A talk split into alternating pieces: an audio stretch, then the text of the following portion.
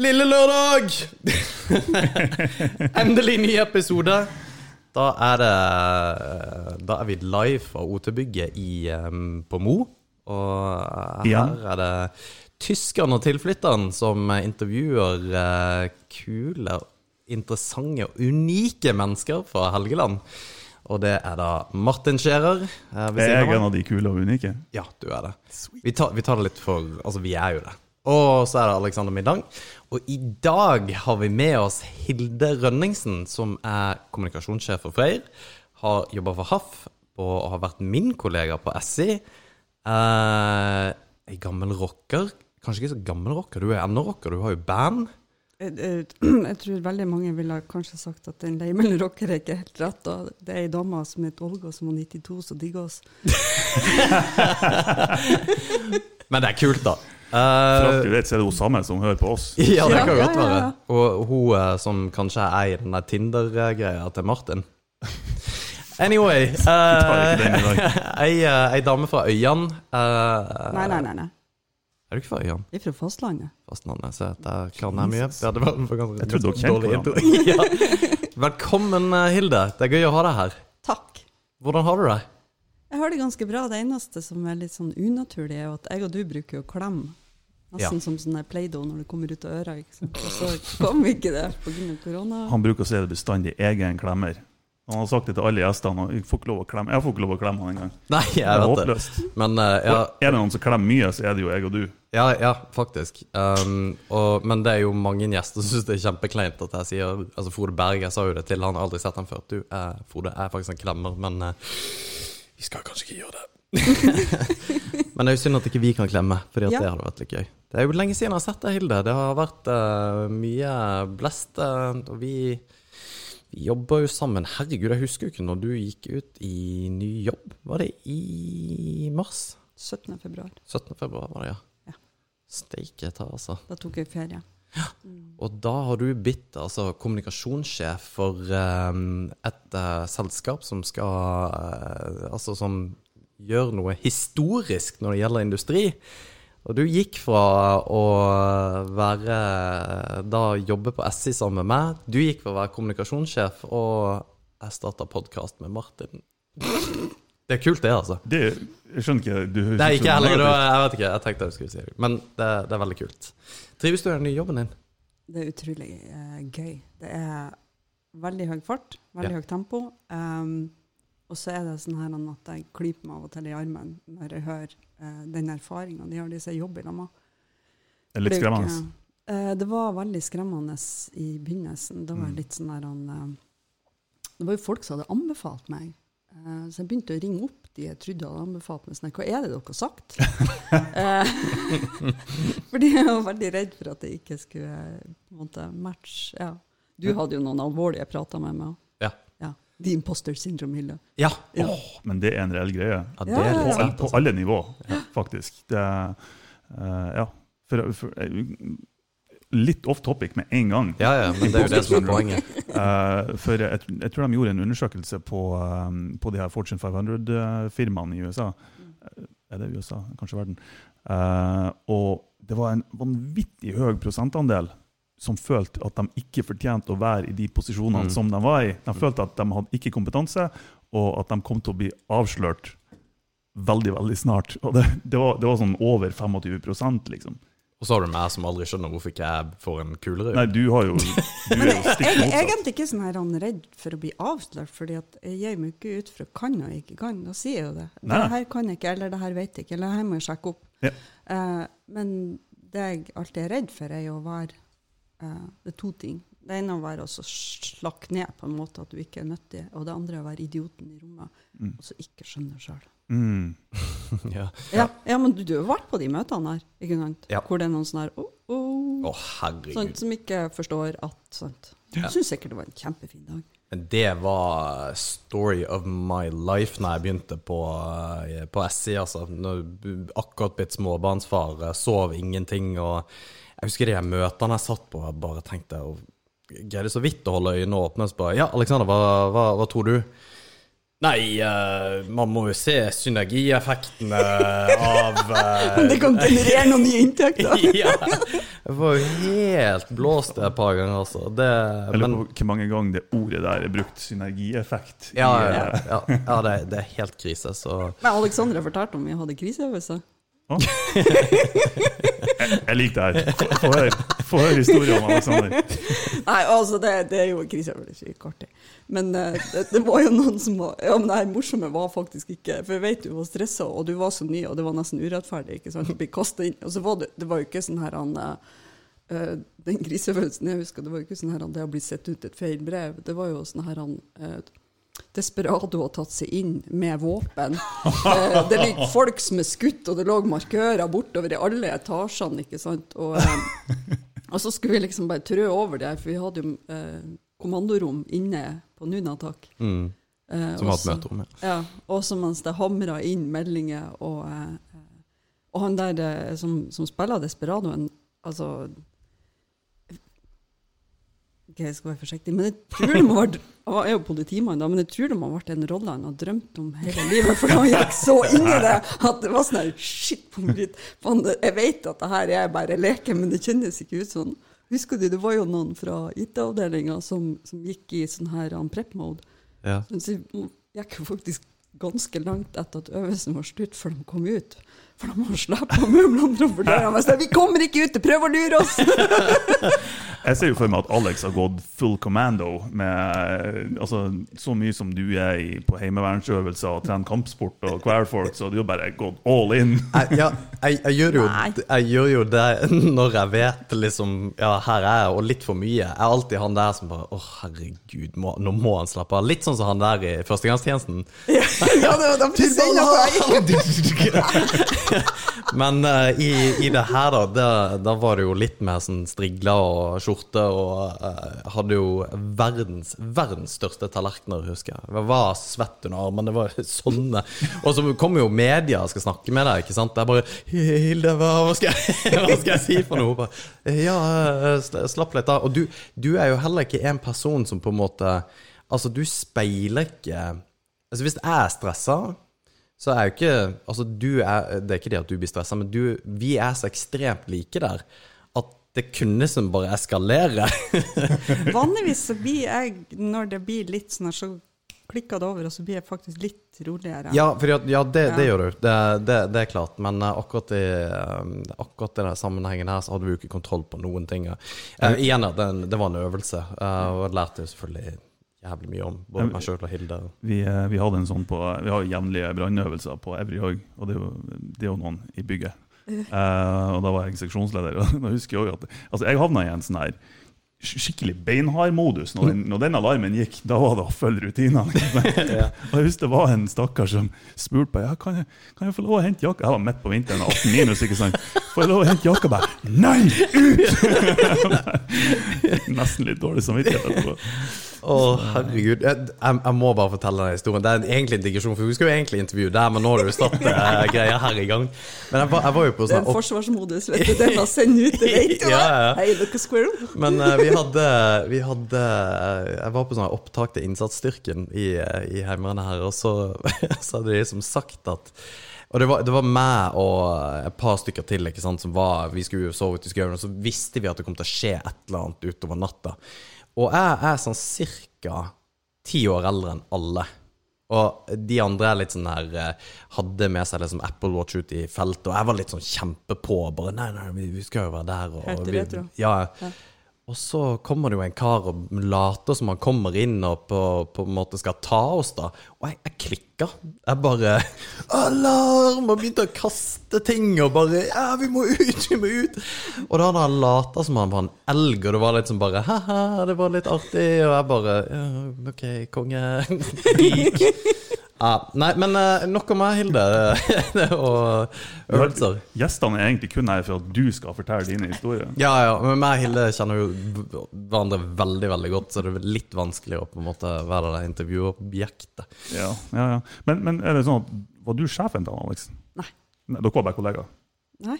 Eh, jeg, eh, det, det her for ting, Nå forteller jeg fra begynnelsen. Ja. Jeg søkte på jobben som kommunikasjonssjef fordi at jeg jobber jobba jo der siden før på kommunikasjon.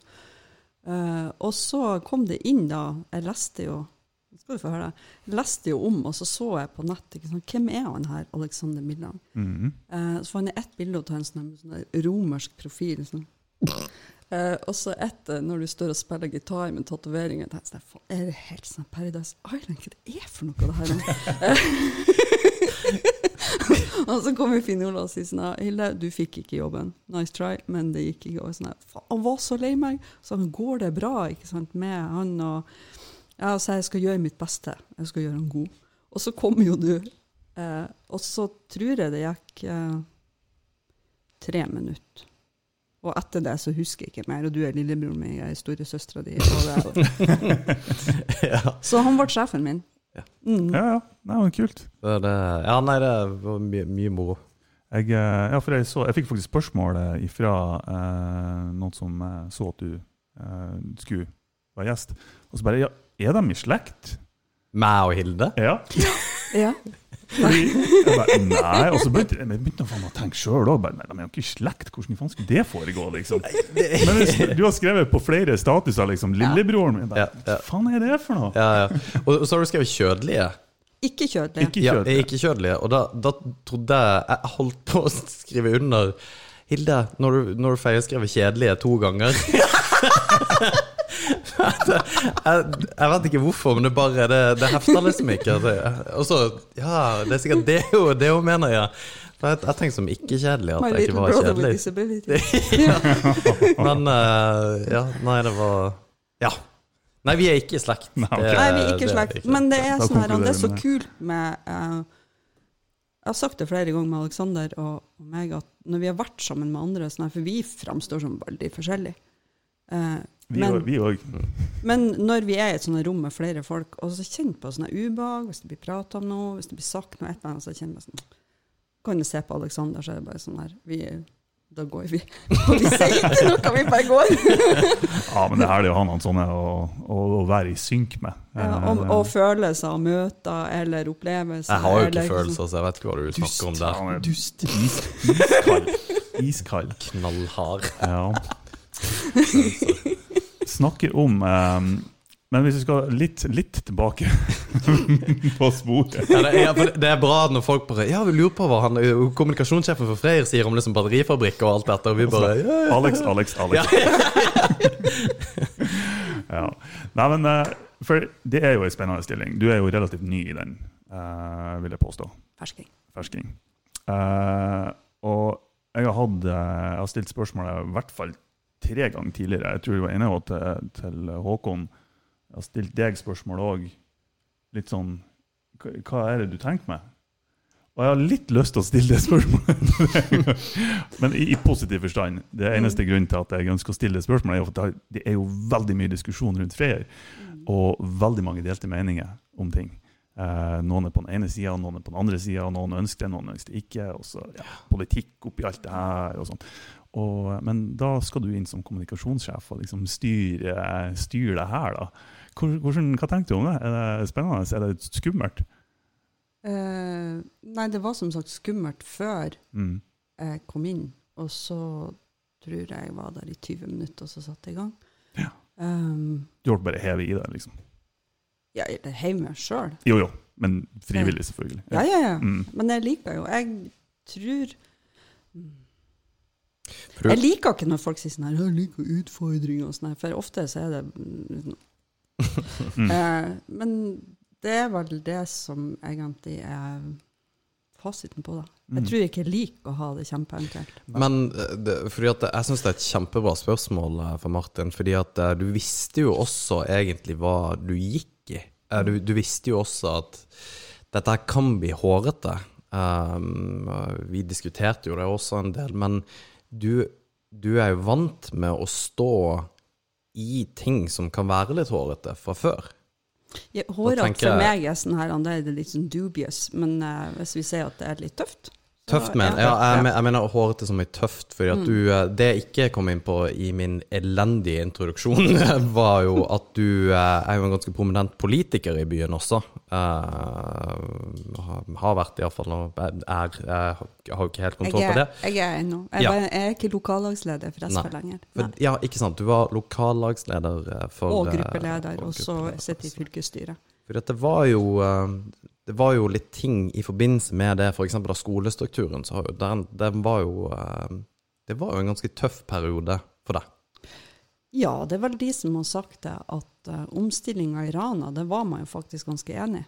Mm. Uh, men endring av skolestruktur var, var nok uh, mer krevende. Så det er jo sånn at sånn i utgangspunktet, for jeg har ført det snakket lenge, så det er nok enklere å endre Grunnloven på Stortinget Mm. enn det er å endre skolestruktur.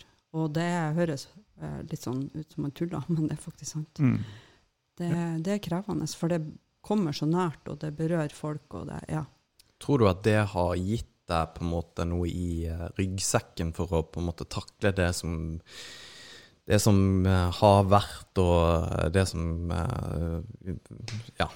Vi vet jo ikke om det kommer noe, men altså det, det, det er jo noe nå. Det er jo alltid det, jeg, jeg leste litt rundt på eh, dette her med hvorfor det er så ekstremt mye motstand mot vindkraft og greier. For det har jo egentlig ikke med batterifabrikken i seg sjøl, men det er, ofte, altså det er mye motstand. Um, men det, er jo litt å, litt å gå i. Det er litt å takle, på en måte. Og, og du har gjort det. Jeg syns jo den skolesaken, uansett hva du mener om den skolesaken For det mener jeg ingenting om. Uh, fordi at jeg var ny i byen, og jeg satte meg ikke inn i det. Uh, men du sto i det. Og, og det er tøft, altså. Det var, det var tøft, men det er sånn her han uh, Jeg holdt på å si de gangene jeg uh, knekker hvis det blir for mye, det er når at jeg ikke er komfortabel med det jeg gjør sjøl. da er det tøft. Mm. Det er det som er tøft. Det er ikke å stå i noen ting når du uh, vet at det du gjør, er faktisk rett. Mm. Så eh, nei. Men jeg har sikkert blitt mer hardhuda, og eh, jeg vet ikke Du er kjent med denne tida. Jeg er blitt har- jeg er mer ufølsom. Nei. Nei. uh, Du blir iskald. Ja, ja. Ja. Overhodet ikke. Uh, men uh, du, du har jo hatt mye vær. Eh, mye uvær rundt da, altså i forhold til at eh, det er ikke mye. Det, ta det med en klype salt, men du, det har ikke vært enkelt. Og, Nei, du har jo vært min nærmeste. Ja, og skolestrukturen var jo en, en sak som i, i, i forlengelse av det spørsmålet ditt, altså, Mm. du, fordi at du gikk inn i dette, så er det, ikke, det er liksom ikke en kommunikasjonsjobb i si SI, da, eh, som er på en måte en bedrift. Altså, du, du hadde jo, vi, vi hadde jo utfordringer der òg, i forbindelse med en omstilling av hele pakka, men dette er noe helt nytt. Mm. det er banebrytende, det er motstand, det er ekstremt mye meninger. Det er mange som mener noe om dette her, uten å overhodet ha noe grunnlag for å mene noe om det. Ja, men sånn er, sånn er det jo. Men det er kanskje de som har de sterkeste meningene, sånn generelt i livet. Mm. Mm. Det, det tror jeg òg. Og før så var jeg litt der at ja, men skal bare Altså, det, de, de er bare teite, og de må bare hysje. Men det er en del av det likevel, og de skal jo ha lov til å ytre seg. Men det er jo frustrerende å se på en del. For vi, vi gjør ikke så veldig mye research i, i forkant av episodene, som du skjønte i begynnelsen av denne episoden òg. men, men jeg har jo gått gjennom en del artikler og, og lest litt, og lesebrev og diverse og diverse, og det er jo det er mye forskjellig som står. Det er det. Ja. Det, det, det tror jeg vi kan si. Livet tar skole ut og mener om ting. Det, er- det er det. Men, men hva er det eh, Har du vært såpass lenge i jobben at du har noen tanker om det? Altså, hva er hovedgrunnen til at folk er imot? Eh, om det er vindkraft eller batterifabrikk? Jeg, jeg tror det er mer vindkraft de er imot. Ja. Altså. Men, men hva, hva tror du er årsaken til det? Hva, hva er det som, som trigger folk så, så veldig på akkurat det? Eh, altså, jeg kan ikke kategorisere på en måte også si For de som er imot, vil sikkert si at nei, men det er ikke sånn, det er fordi at Mm. eh, Men jeg tror jo én stor faktor er det rent visuelle. Mm. En faktor er eh, eierskap, eh, og hvor eh, inntekter går. Av, eh, av vindkraft. Nå må jeg jo få lov til å si Nå, nå blir jeg det ikke skulle være sant, du sa det sjøl, det blir litt kjedelig. Men, men, det er sånn at eh, det er helt stopp i Norge på å søke nye konsesjoner på vindkraft. Så Ok. du kan ikke sende inn en søknad til NVE, han blir ikke behandla. Okay. Og det ble stopp for et år siden. Og det var fordi at det var såpass mye uro i Norge og uenighet rundt om man ønska ei helhetlig tilnærming til det her. Så Olje- og energidepartementet har jobba med det, og det kommer ei, eh, det som kalles en stortingsmelding til sommeren. Og så skal Stortinget behandle den på høsten. Eh, og ingen av oss vet jo hva som står i den, og hva type endringer, men det vil sannsynligvis medføre endringer i retningslinjer og lov, eh, forskrifter. Sånn at eh, en, en konsesjon som skal søkes, kan være på annet grunnlag, eller altså Jeg, jeg vet ikke, men, men eh, eh, det blir ikke før ute i 2021 at man eventuelt kan søke, hvis man kan søke. Ok. Men, men det, vet du om det er primært uh, pga. det mm, altså miljøvisuelle, som du sier, eller er det andre årsaker som gjør at de skal behandle det oppe i Stortinget? Uh, jeg vil Altså, jeg vet ikke, men ut ifra den debatten som var, så vil jeg tro at det her handler òg om eierskap og om inntekter, og kanskje jeg som òg SV-er håper at det faktisk handler om det at man får en mer lik eh, ordning for vindkraft som man har for vannkraft. Mm. Men det er ingen av oss som vet, så vi kommer egentlig bare håpe eh, nå til sommeren om å få høre den stortingsmeldinga og hva den går ut på. Ja. Ja, fordi at disponering av på en måte inntektene, om du vil, rundt uh, kraft er jo litt interessant. For det er sånn som når olja, uh, den, den store olje... Ja, Boringa, så var det jo det i forhold til liksom, hvordan, hvordan disponerer man inntektene der, og det, det var alltid på en måte stedfest at inntektene tilhørte folket. Eh, Nå må det sies, altså, eh, og nå sitter ikke jeg og forsvarer eh, på en måte modeller for eierskap og vindkraft, men nei. bare hvis du driver i Norge, og vi jobber jo i skatteetaten, eller jeg jobber jo i skatteetaten, så skal du betale skatt til Norge. Så det er jo ikke sånn at, at alt forsvinner ut. Det som er den store diskusjonen, er jo utbytta ifra det, og hvor det plasseres hen. Okay. Eh, men den eh, Altså, vi har jo flere utenlandske selskap i Norge. Men, Mm. men det er jo òg argumenter som brukes. Og så, og så er det jo eh, i forhold til reindrift eh, og andre typer næringer, konflikter, ikke sant. Eh, men når du har eh, Hvis du skal søke en konsesjon, så må du gjøre ganske mye konsekvensutredninger. Eh, og de må du gjøre ordentlig. For de skal ut på høring, og, og det, altså, det er ikke noe det, det er faste maler for deg, og du kan bli bedt om å gjøre enda flere områder konsekvensutredninger. Mm. Så det er ganske omfattende, det der, og det er ikke en, en lettvint sak. Eh, og til slutt så, eh, så blir det jo, som de sier, en sumvirkning, at man ser det opp mot hverandre. Og når det er sagt, så eh, Jeg bruker å si, nå, nå er jeg politikeren, Du får lov å være det. ja, at jeg syns ikke det er noe eh, mer høyverdig å være kategorisk for enn å være kategorisk mot. mm. Fordi at prosjektene er forskjellige, og lokasjonene er forskjellige. Og altså, det må jo Igjen, det, det, og det er da det som jeg sier, det er så lett å ha sterke meninger, men jeg føler at det blir bare kjedeligere med årene. fordi at det blir ja, på den ene sida, på den andre sida. Du vet at det er de gørreste folkene hvis du har en sånn her 'Jeg mener det', og så er sånn Ja, på den ene sida, på den andre sida. ja.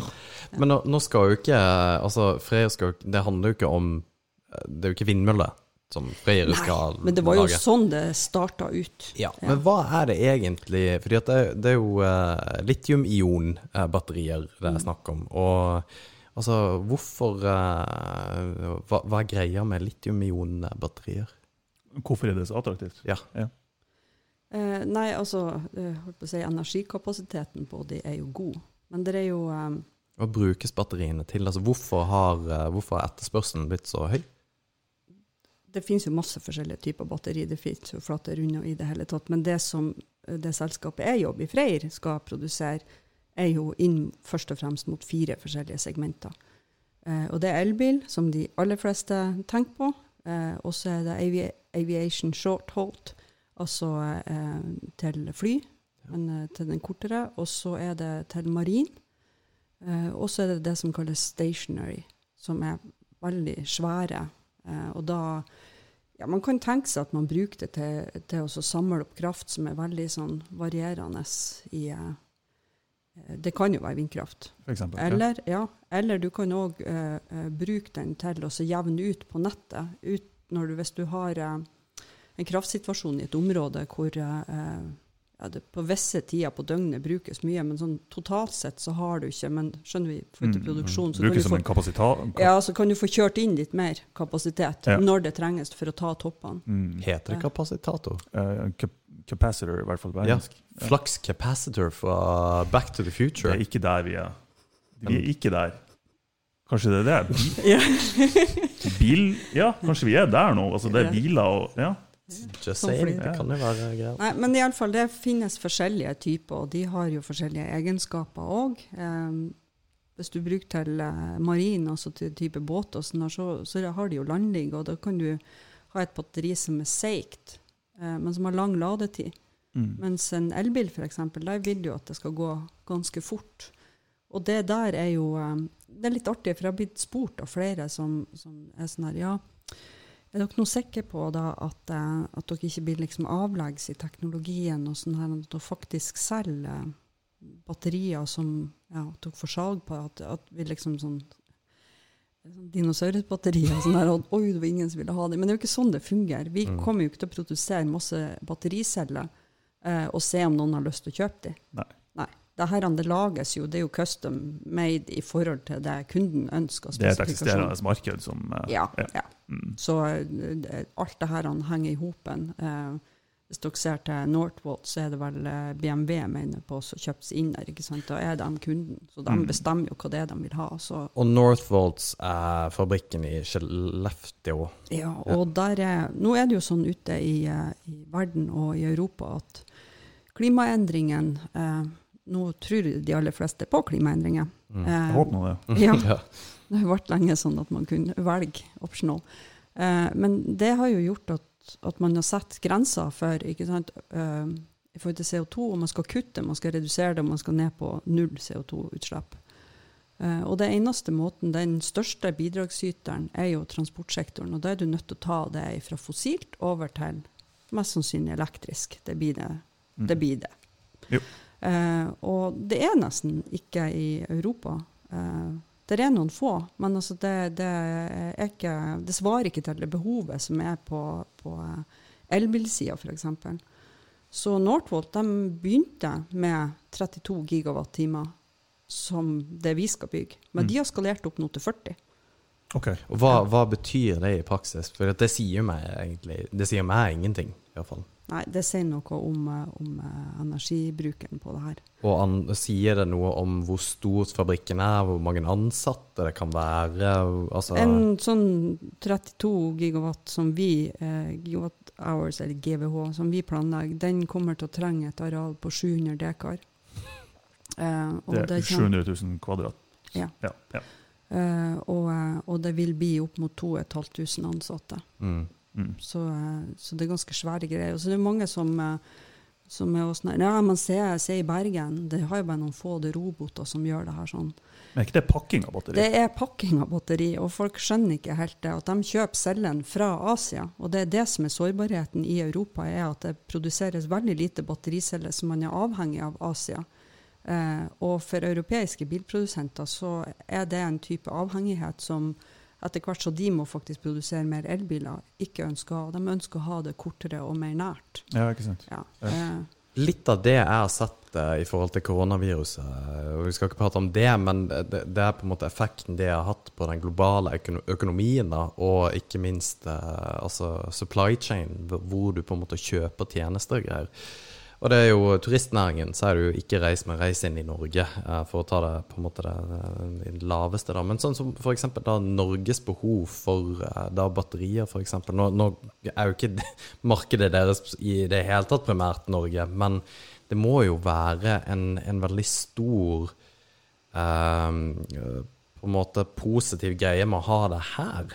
Eh, og, og det, er jo, det er jo grunner til at man vil ha det i Norge. Ja, og hva er grunnene, egentlig? Nei, du kan si for, eh, for Helgeland primært så handler det jo om at man har en veldig lav kraftpris her.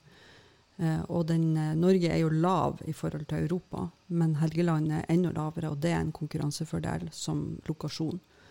Uh, og så har du rikelig tilgang på kjølevann.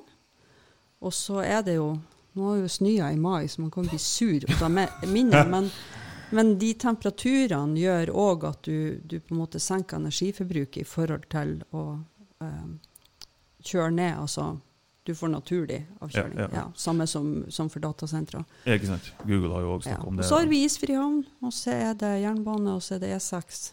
Um, og så er det en industrikultur. Eh, Mm. Vår styr, arbeidende styreleder Torstein han bruker å poengtere ofte det her om det. Å ha et samfunn som er vant med skiftarbeid, er faktisk en viktig faktor. Mm. Mm. Ja, klart. Mo er jo en skiftarbeiderby. Mm. Ja, faktisk. Det var veldig rart for meg når jeg kom til Mo, for det liksom satt folk på kafé og sånn Å, jeg blir jo treskift, fireskift, femskift. Og sånn. Prat. Men det, det er faktisk akkurat sånn folk prater her. Ja. Ja. Med den stemmen og den eh, Come on! Come on! Det er jo ikke jeg som sa det, det var jo, det er jo Hilde som er Hun har lov, hun er herfra. Hun har Ja, men det er jo det jeg mener. Når du det- gjør det, så er det frekt. ja, det, var, det er jo akkurat sånn. Du, eh, for, for når du snakker om de tingene som du gjør nå, så, så er det liksom et sånt stort selskap som bare dukker opp i hodet mitt, og det er jo Tesla, selvfølgelig. Mm. Eh, for, for de gjør jo en del av de tingene som, som du har snakka om nå. Eh, både med tanke med produksjon av batteri til biler. Det er jo sine egne biler, vel å merke. Ja, de, de de, bygger jo- leverer sikkert til andre. De bygger opp i Tyskland nå. Ja, de har vel en sånn gigafabrikk i, i Berlin? Nei, i Tyskland i hvert fall. Mm. Uh, og de har jo òg levert uh, de her hva du kalte det, de her store batteribankene. Stationary, Ja. altså stasjonære batteri. Ja. De leverte jo det til Australia. ja. Ja, De leverte til Australia, som hadde store problemer med, med nettverksbrudd, altså, eller strømbrudd i, i nettverket sitt. Eh, og jeg, jeg tror han sa hvis vi ikke, Musk sa hvis vi ikke klarer å levere det her til dere og fikse det her problemet innen 30 dager, så gjør vi det gratis. Han, han er jo stein gæren når det gjelder sånne ting, men han gjorde jo det. Mm. De sendte jo av gårde noen eh, enorme batteripakker som bare jevna ut strømmen og forhindra de her toppene, som du sa. Og eh, ja, det, det er visst store Uh, Store batteri som står på ei sletta der en plass. Ja, ja, det jeg jeg synes se bare det er, så, det er en så kul måte å drive business på. Ja, ja, Men han han er er, jo- jo cowboy. Ja. Han er jo helt rå, altså. Men, men er det snakk om Det er ikke sikkert du kan snakke noe om det i det hele tatt, men, men eh, er det sånn at Tesla f.eks. Eh, de produserer kun til seg sjøl, eller har de andre? Kan, er det et marked som Freyr kanskje skal inn på, og levere til forskjellige bilprodusenter? Eller er Tesla avlåst, de gjør sitt? Det er ingen som får lov å Ja, Da begynner du å komme inn på sånne ting som ikke kan prate om. Nei, og det, er- det er eh, helt OK. ja. Eh, for, for grunnen til at jeg bare, bare antar at Tesla kanskje holder på sitt, og alt er lukket og låst. Liksom. Jeg tror hvis jeg får muligheten til å forklare det, for jeg har òg blitt eh, spurt noe sånn som I går ble det jo vedtatt i Rana kommunestyre, og jeg vil bare si jeg var inhabil. Jeg var ikke til stede i møtet, fordi at jeg skal ikke være der eh, Mm. som kommunikasjonssjef i Freyr. Men, eh, men da hører man jo en del sånne her, han, eh, spørsmål som ja, hvorfor trenger Freyr eh, penger når de skal bygge for 40 milliarder, det må de klare. Og det her kan jo Alexander så godt, ikke sant, når det er et startup-selskap. For når du er i denne fasen at du starter, så er det en bra idé, godt konsept. Eh, Du vet at det er et behov for det. sant? Det er behov for battericeller. Og så må du ha de beste folka med deg. sant? Og i dette selskapet så har du da enorm industrierfaring. sant? Dette er jo ikke som jeg sier, det er ikke kioskfolk, det er Hydro. Norske Hydro. Det er mange mange års erfaring som Mm. ligger inni her. Pluss at vi nå, sånn som Ryota Kawaguchi, som Det Det han nye som er kommet inn i det. Ja, han er sjefsteknologen vår. Mm. Kul fyr. Han er forresten har vært eh, over ti ganger på det japanske landslaget i paragliding. OK. Mm. Random cool fact. Ja. Ja, ja. Skal han flytte hit? Eh, han kommer til å være her veldig mye. Ja. Ja, eh, så eh, det var jo det første. Vi har jo hatt folk som lurte på ikke sant? Sånn han japaneren kan ha judo. Eh, jeg Eller sånn ninja, det er jo det. Ja, jeg skrev jo med en gang til Ryota sånn her, um, Ryota, eh, do you do judo? Do you, do judo? Nei, jeg skrev ikke det, men jeg så det vært folk og spurt her om at du hadde lyst til å bli med i judoklubben om du holdt på med det. Nei, drit i det var, faren hans var sensei, men han var paraglider, så jeg fant okay. klubb til han. Han må, han må ikke på judo, han må på, inn på Polarsirkelen kampsport. ja. Liten plagg. eh, Liten plugg. Liten Eh. Jeg tror ikke han er helt typen. Men i alle fall, så det er jo verdien i et selskap så tidlig. Mm. Og så, og så kommer de store investorene inn etter hvert. Men Ja. du er i en sånn her fase nå, og der er vi hvor vi holder på å bygge opp. Mm. For det er ikke sånn at kapitalen er der per i dag. Den må anskaffes etter hvert. Ja, og, så det, og da er det en sånn her som jeg kaller for Og så får de bare tilgi med de her hydrofolka som jeg har i ledelsen i på Men jeg, Det kan godt hende at de hører på. Eh, Men, men jeg kaller det ketsjup-effekten. Fordi at du har eh, den her treenigheten å ta investorer og teknologi altså, eh, og, og kunder. Og når det gjelder teknologi, så er det jo det vi kaller det jo på en måte hvilken patent skal du bruke. For du kan velge to veier. Du kan velge at du skal koke det her helt i hopen og finne helt ny oppskrift og forske det fram. og sånn her. Det kan ta litt tid. Eller så kan du velge å bruke patenten til noen som har funnet oppskrifta. Vi blir å bruke oppskrifta fra noen andre for å komme raskere i gang. Mm. Eh, men når du eh, eh, snakker med noen som har en patent Alle har jo sin merkevare, den er de opptatt av. Eh, ingen har lyst til å bli behefta med en rookie eh, før de vet at de er skikkelig sant. Og, og det der må du på en måte dra i hop, alle de tre. Mm. Sant? For kundene har sine merkevarer, de her bilprodusentene f.eks. De har ikke lyst til å bli assosiert med noen ting før det. Så sånn, eh, så Min sjef Tom Einar er helt fantastisk på det viset. og ja, han har noen ekstra gir, for å si det sånn. Han jobber mye. Elbiler har ikke gir. Nei, men mannen har gir. han klarer litt mer enn han gjør. Ja. Ja. Nei, men jeg ser det. Du, du må sannsynligvis over en viss terskel for å kalle det bli tatt seriøst. da. Uh, ikke at Ja, men du må jo ha for å drifte videre, Ikke sant, sant? Fordi yes. at når du skal bygge en sånn her fabrikk Nå har vi jo eh, kunngjort eh, de her rammeavtalene med Metier OEC og Rambøll og Norconsult. mm.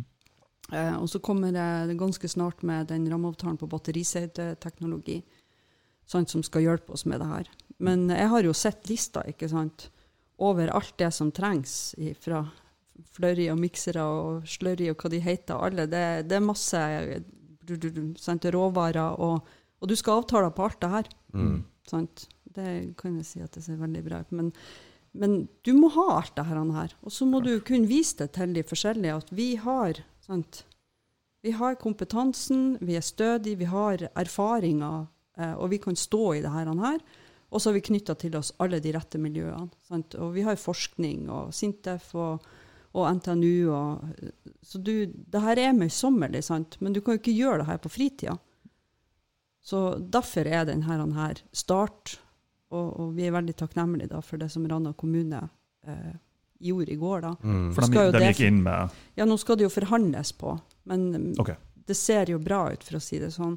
Og det gjør jo at andre kommer etter igjen, og så begynner vi. Ja, men det er en ekstremt god signaleffekt også inn, altså fra kommunen som skal huse eh, fabrikken, da, forhåpentligvis. Eh, og det er jo eh, det er ikke noe tvil om at jeg er partisk i dette her, men jeg kommer jo fra en, på en måte en startup-miljø, eller gründermiljø inni dette. Jeg, jeg vet ikke hvorvidt du kan egentlig kalle Freyr lenger en startup, men det, det, det er mye Hvis du sammenligner med hvor det skal hen. Ja, ja, ikke sant, så blir det det.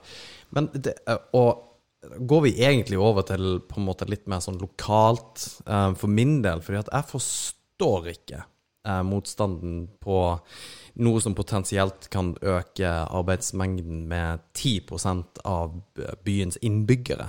Um, jeg har jo vært redd når jeg flytta hit og kjøper hus her.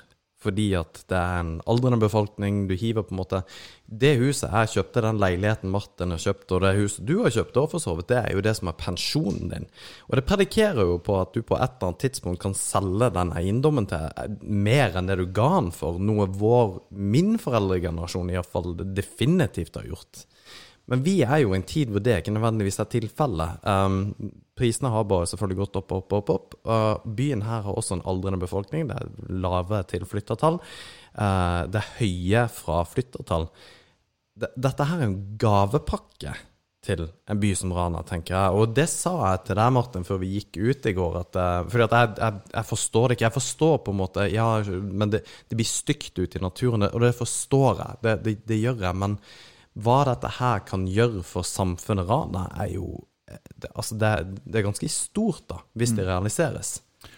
Og det, altså, samme tema har vi jo snakka om en del ganger tidligere. Eh, til, altså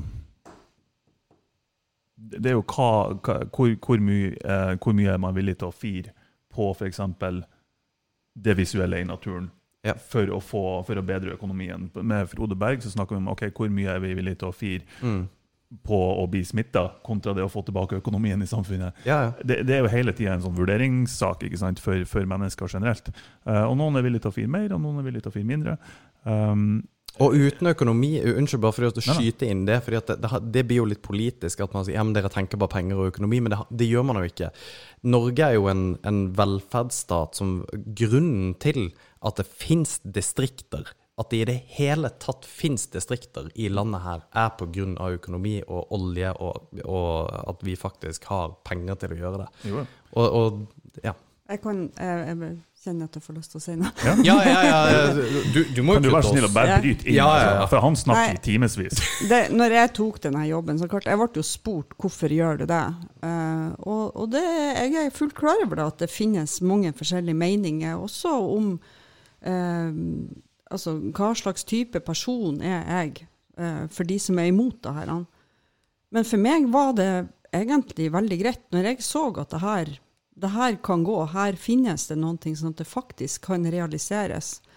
Eh, og det gjør at Norge, som er, har er bruttonasjonalprodukt, altså sammensetninga vår å ta næringer i dette landet her Man kan jo tro at det er Sverige som er tvillingen vår, men det er faktisk Emiratene. Det er de der landene der. Vi mm. er så oljeavhengige og bygd opp på det viset, og det er farlig for oss. Og det ser vi nå. Sant? Nå faller ikke oljeprisen i Norge like mye som den har gjort i USA, men den har falt. Og vi vet jo det, sant, at, at vi skal bort fra karbon. Så det her er jo eh, tida for å finne nye næringer. Mm. Så for meg så var det sånn Jeg har jobba åtte år. Jeg har 17 år nå som politiker, lokalpolitiker. Og så jobba jeg åtte år som informasjonsleder for Helgeland avfallsforedling, IKS, som det heter. Uh, og brukte enormt mye tid på det vi kaller for forbruksreduksjon og avfallsreduksjon. Avfallsreduksjon er jo egentlig et resultat av forbruksreduksjon, at du kjøper mindre. Og um, det som skjedde på de her, her åtte årene jeg jobba, sånn, til tross for intensivt holdningsarbeid og stadige forenklinger og bedre kildesortering, og man liksom la til rette, det var jo bare at avfallsmengden økte den gikk jo opp, eh, og, det ble jo bare mer og mer klær. Eh, og jeg, det her har jeg fortalt før, eh, men jeg var jo på Fretex Midt-Norge og, og, sto sammen med Bals, som var leder der. Så sier jeg hva, hva du, for jeg skulle gjøre en sånn reportasje til Grønt hjørne. Så sier jeg hva, hva du har opplevd, liksom, hvis du skal se tilbake nå i sånn fem- til tiårsperspektiv. Hva er dine erfaringer? Og så sukka han nesten litt sånn så akkurat når han gjør det, så kommer det en sånn trailer eller lastebil ryggende inn, åpner, og så bare begynner å tippe ut som poser med klær ned i et sånn her grop med et samlebånd som går opp hvor det sto ja, i hvert fall 30 personer og sorterte klær. Nei, så sa han at eh, det kommer inn med prislappen på. Det har aldri vært i bruk. Uh, og det er ganske sånn her vi, vi, bruker bare mer og mer. Og vi tar tre, og vi betaler for to, og vi uh, føler at vi sparer, og vi mokker på. ikke sant? Og det, mm. det forbrukes masse ressurser. Og de som da er, er imot å bruke vindkraft, f.eks., et argument jeg hører, er jo det at nei, vi må bare redusere forbruket. Vi må energieffektivisere, og så skal vi, vi skal senke forbruket. Men det blir jo aldri å skje. Og så tenk at Det eneste måten du kan gjøre det, er å innføre sannsynligvis nesten sånn totalitært regime. Mm. Da kan du klare det. For å få unnskyld at jeg sier det, vannet folk til på frivillig basis. Og i det øyeblikket man begynner å kjøre sånne økonomiske insentiv, nei, da har du plutselig fått et nytt parti. Stopp mm. bompengeringen. Sånn, så det, det blir òg litt sånn her Hva er det du avler fram òg, hvis at du skal på en måte eh, gjøre det? det? Men jeg er en pragmatiker, så jeg tenker at vi må få et grønt skifte. Vi må flytte oss fra fossil energi, og så må vi over på grønn energi. Eh, og det finnes mange forskjellige typer energi. Det er de som kjemper for kjernekraft. Eh, jeg er ikke kanskje så, Selv om den er supereffektiv i likhet med karbonenergi, så, så er ikke det det jeg har lyst til å gå på. Og jeg tenker at vindkraft, det er grønn energi. Mm. Så ja, det ble mye. Nei, men herregud. Bra. Um, jeg tenkte litt på, for du nevnte uh, Nå hopper jeg litt, jeg òg, men uh, du, du nevnte råvarer i stad. Ja. For det er selvfølgelig en veldig viktig det, det er jo en ressurs som, som trengs i uh, batteriproduksjon. Uh, er- råvarene til Freyr tenkt at de kommer ifra Mo, eller importeres det? Finnes det råvarer? Jeg vet ikke hvilke råvarer som brukes i batteri. Litium. Jo jo, men tipp det er andre ting òg.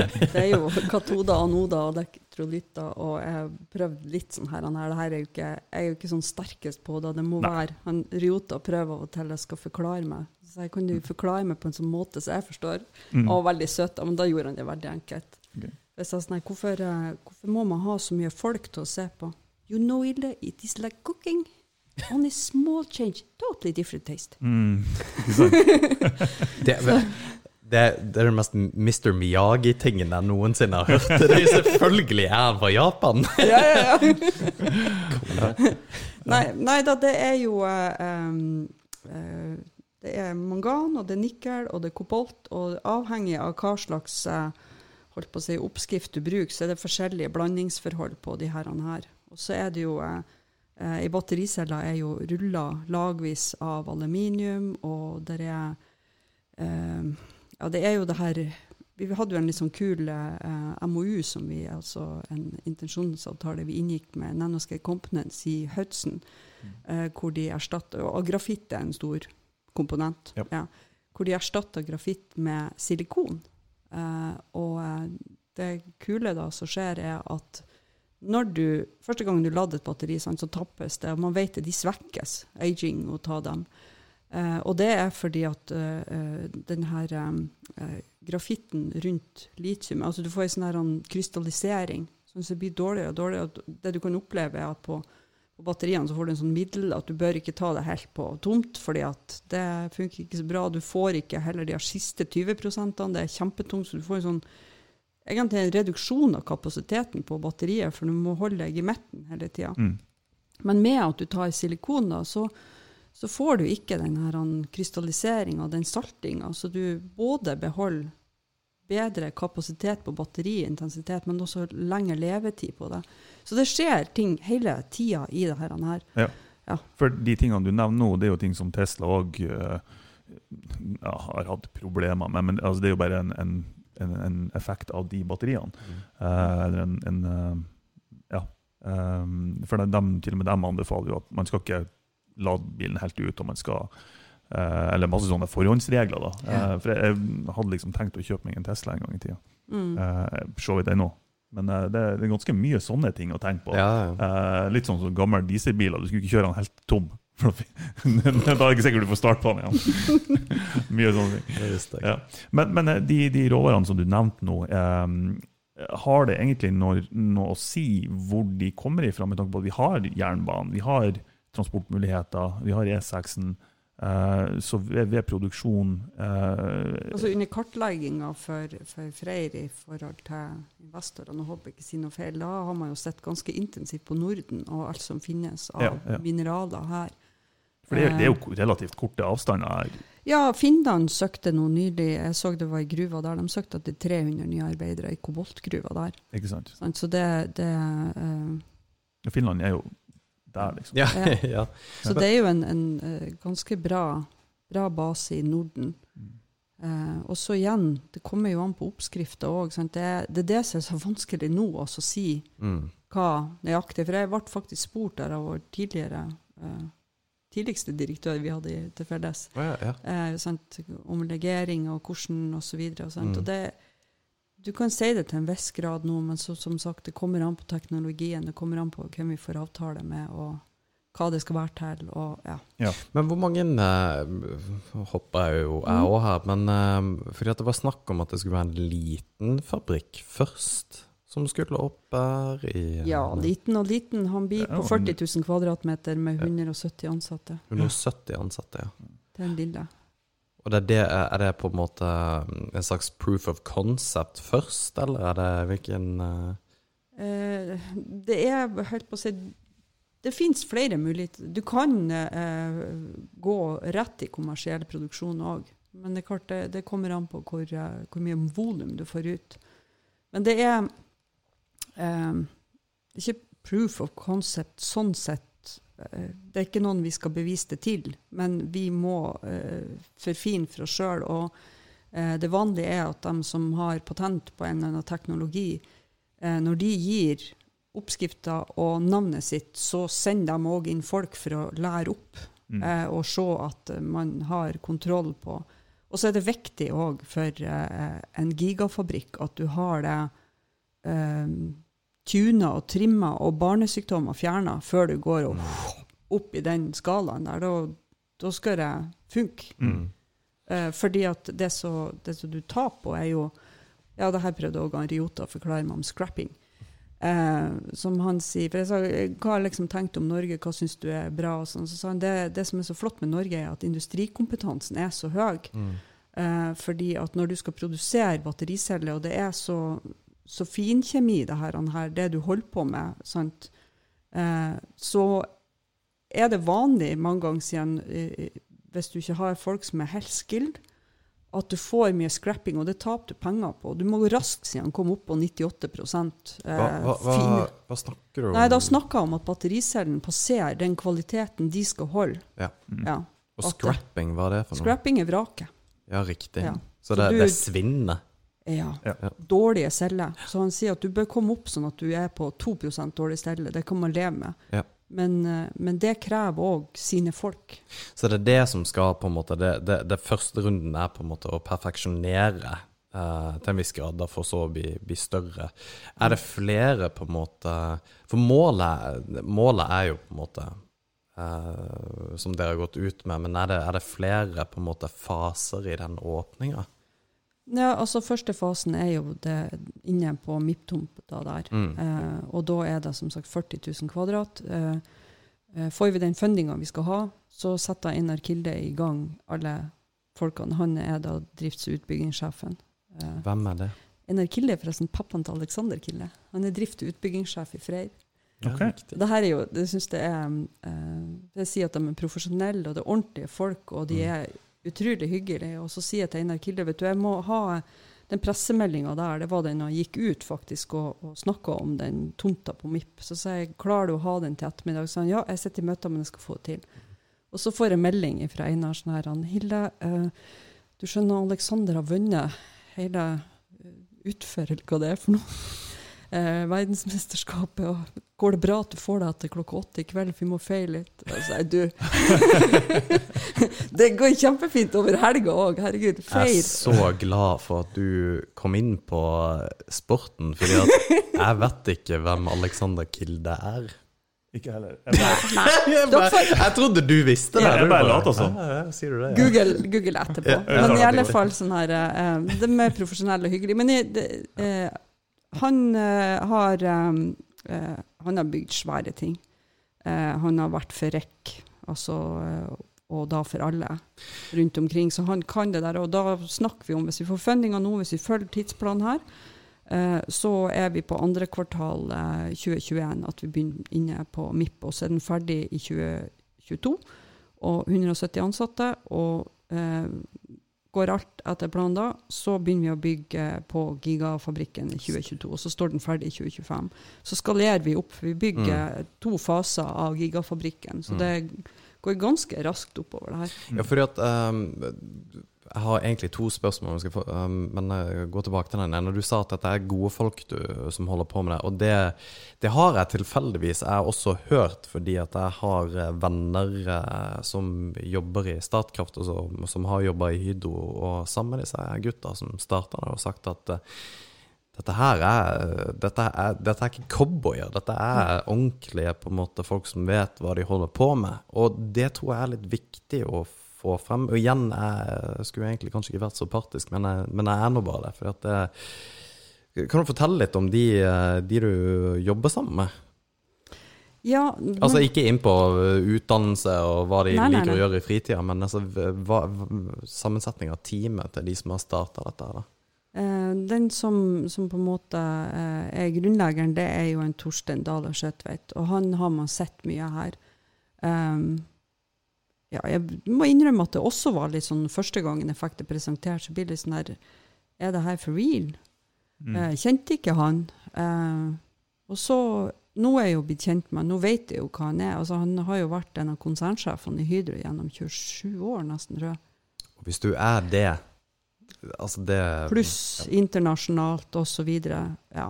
ja, hvis du er det. Og så, eh, har du jo eh, han Tom Einar som er administrerende direktør. Eh, og eh, han eh, Han har jo mange mange års, i hvert fall 15 års erfaring fra Hydro, pluss andre. Han er jo òg en sånn der som gründer. Han er ja, og han brenner for det her. Det er så artig, for jeg var veldig spent på når at jeg skulle møte han i denne middagen i Oslo. Jeg fortalte jo det. Mm. Eh, og ja Prøvde å kle meg litt ordentlig. De var jo mye mer casual og avslappa da vi var hjemme hos han Torstein, så jeg følte jo nesten at det mangla bare sånn sløyfe på hodet, at jeg liksom hadde tatt litt i. men, eh, men da, Tom Einar, da, da kjører han gjennom, og det er så lett hvis du er nært han, å merke at han, det er en genuin dedikasjon. Altså han, ja, han har gjort sitt for eh, på en måte jobba i olja, og han ser eh, må Husk på lillesøstera hans, hvem det er. ikke sant? De har nok ganske sånn Hvem er Drive da?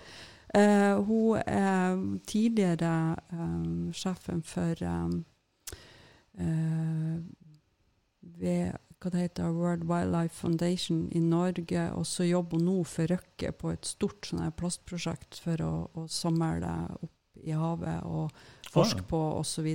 Nå står det helt stille for meg. Ja, um, men det er jo litt familieutegått familie ute og går på andreplassen på, på andre ja da, eh, På på det miljø, tids- miljøprosjektet, egentlig. Nei, nei, Nei, nei. Det, ja, sånn sett. Storesøstera hans er jo Siv Jensen, hun var jo finansminister oh, ja. på det tidspunktet. Men det er på en måte ikke Ja. det, eh, Jeg tenker at det viser at det er en familie som er i fullt driv, og som har energi, og som vil utrette noen ting, og har driven. Ja, jeg kom akkurat på at det kan eh, kaste bensin på bålet til konspirasjonsteoretikerne, men det Jeg tror de fleste er ganske klar over det, hvis de er i det hjørnet. mm. Eh, men, eh, men som sagt, han er, eh, er genuint dreven av det her, og vil gjøre noen ting som faktisk har eh, et reelt bidrag til det grønne skiftet. Og tilbake til når jeg snakka om HAF, etter så mange år med å fortelle folk at de skulle skøle plassen, eller melkekartongene, eller avisene eller matavfall og legge i posen der osv. Og, så og kjøpe litt mindre. Og det eneste som skjer, er at du bare får mer og mer avfall år for år. Til tross for at vi har blitt færre innbyggere. Mm. Eh, så, så skjønner jeg òg at eh, det, det, må, det må store, substansielle ting som det her an. Eh, og så er det noen som sier ja, det er pengene, det er kapitalen, det er sånn her. Ja, hvem tror dere skal, skal staten Mm. starte bedrifter? Eh, ja, men det er litt sånn her, jeg møter en del sånn her hvor, hvor det mistenkeliggjøres, og da blir det litt sånn, ja, men det er faktisk sånn det fungerer der ute. Ja.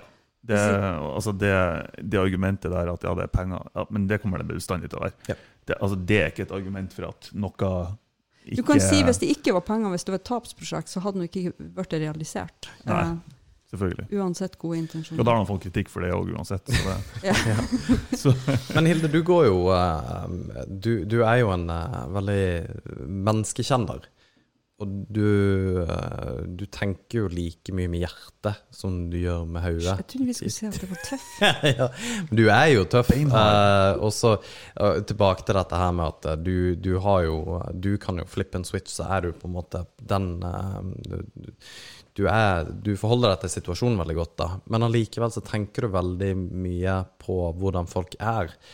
Um, og jeg vet jo at når du skulle i denne middagen, så var det den skjebnesvangre middagen hvor du liksom skulle få vite litt mer om Freyr og greier, eh, så hadde du jo eh, brukt altfor mye penger på en kjole i London som du egentlig ikke hadde råd til. så, hvor du på en måte tenkte at nå skal du kjøre litt på. Uh, Hun men, var utrolig god å selge, da. er ikke det du bruker å si? så, ja, det funker jo kanskje, det er jo det. Bruk litt penger på den kjolen. Men det, det er jo litt gøy, da, for det betyr jo at eh, du, du jobber sammen med folk som Jeg, jeg skrev her, hva er det som motiverer deg for den jobben? Altså, hvorfor tar du den? Fordi at du du er ikke politiker for du syns det eh, for å være det. Du, altså, du, du drives av på en måte en flamme der som, som det er ikke alle som har, da. Og du dri... Du eh, Ja. Hva motiverer deg til det? Nei, det som jeg sier, eh, du kan drive på skøl, yoghurtbager, Mm. til kuen kommer hjem.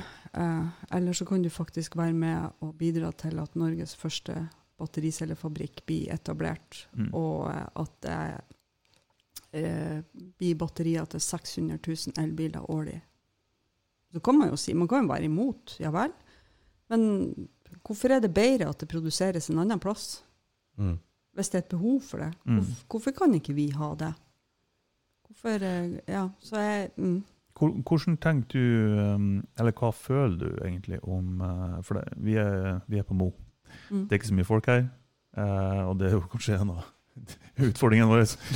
uh, uh, men uh, noe av den kritikken imot Freyr som er mer eller mindre relevant altså det, det er jo alt mellom himmel og jord som sies. Jeg tenker sånn Hvis jeg skulle ha vært politiker nå, nå er jo ikke det å være i Freyr en politiker, men en, en offentlig person da, som du egentlig har blitt både som politiker, men òg som kommunikasjonssjef i Freyr.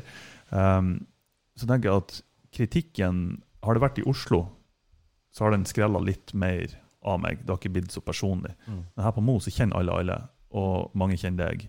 Um, eh, hvordan, hva føler du om det?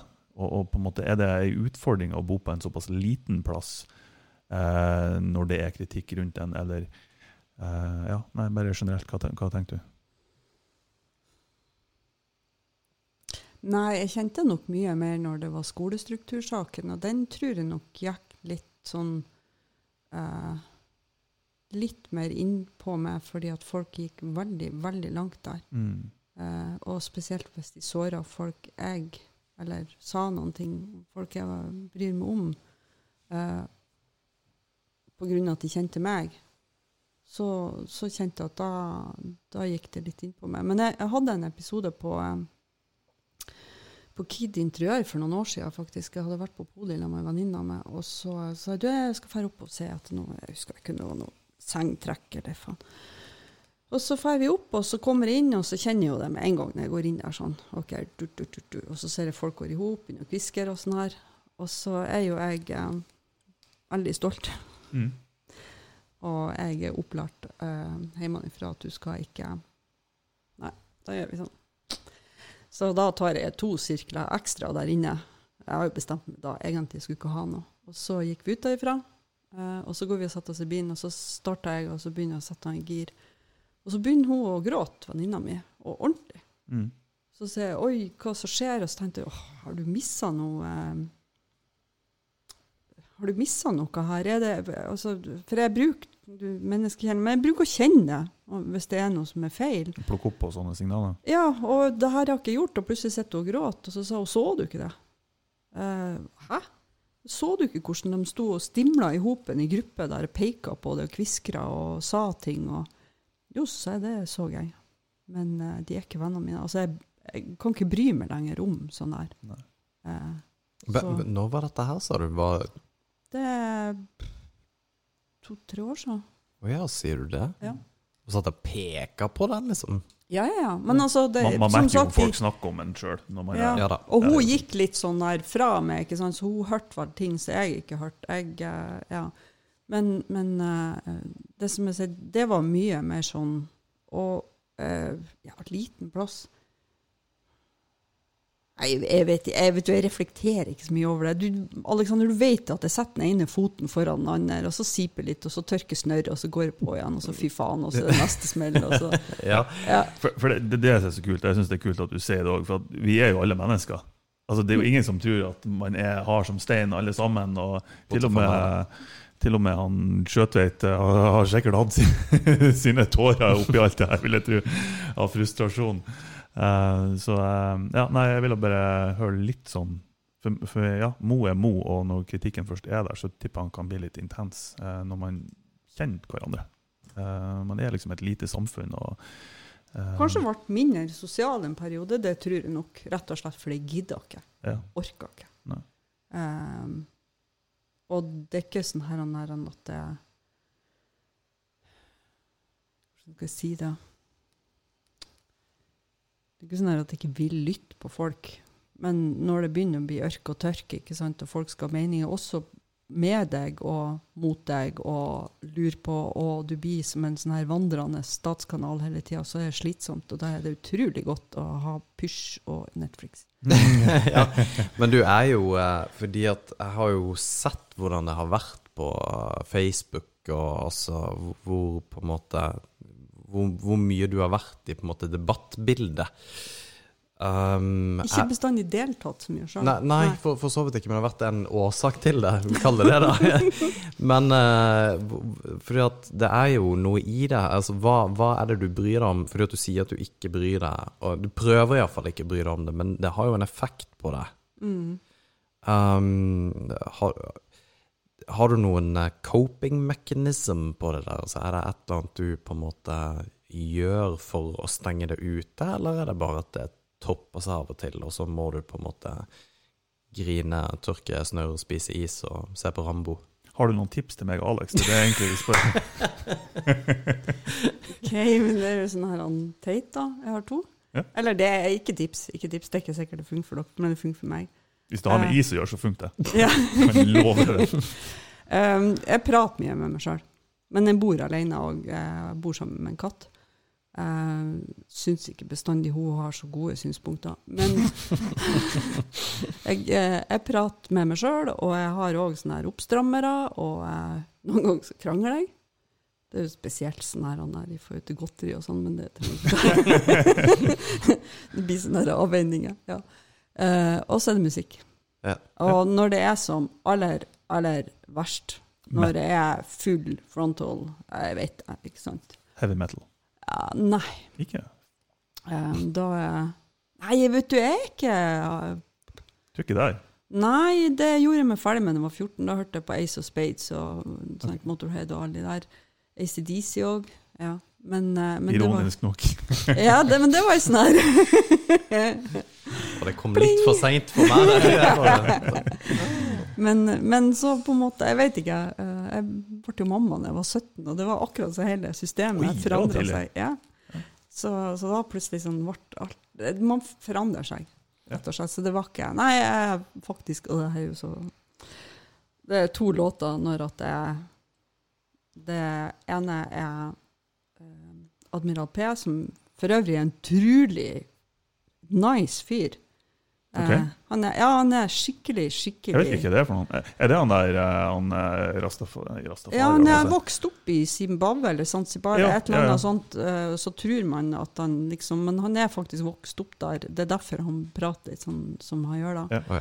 Eh, og så eh, Og det er gjør så godt du kan. Ja, for det at du blir, du ble mor når du var 17, det kunne ikke ha vært lett det heller. Men vet du hva, jeg vil faktisk backtracke litt der før du ble mor, Hilde. Fordi at eh, du har jo bodd i Oslo. I den sommeren der. Ja. Men hvor bodde du da? Eh, jeg bodde i Hagegata på Tøyen. På gata, eller bodde du faktisk hos noen? Nei, jeg bodde i leiligheta til broren min, som var føren til Nord-Norge, så jeg var alene der. Uh, og så uh, Når du var 14? Ja. Jeg vet ikke hva han har tenkt på. Hadde aldri Han pappa var på Finnmark, og så sannsynligvis har ikke han noe i det der, så jeg fikk lov. Så du Ja. flytta til, du flytta til hovedstaden som 14-åring, du? Ja, jeg, eller flytta. Jeg var nå der i nesten to måneder den sommeren og skulle jobbe som avisklipper.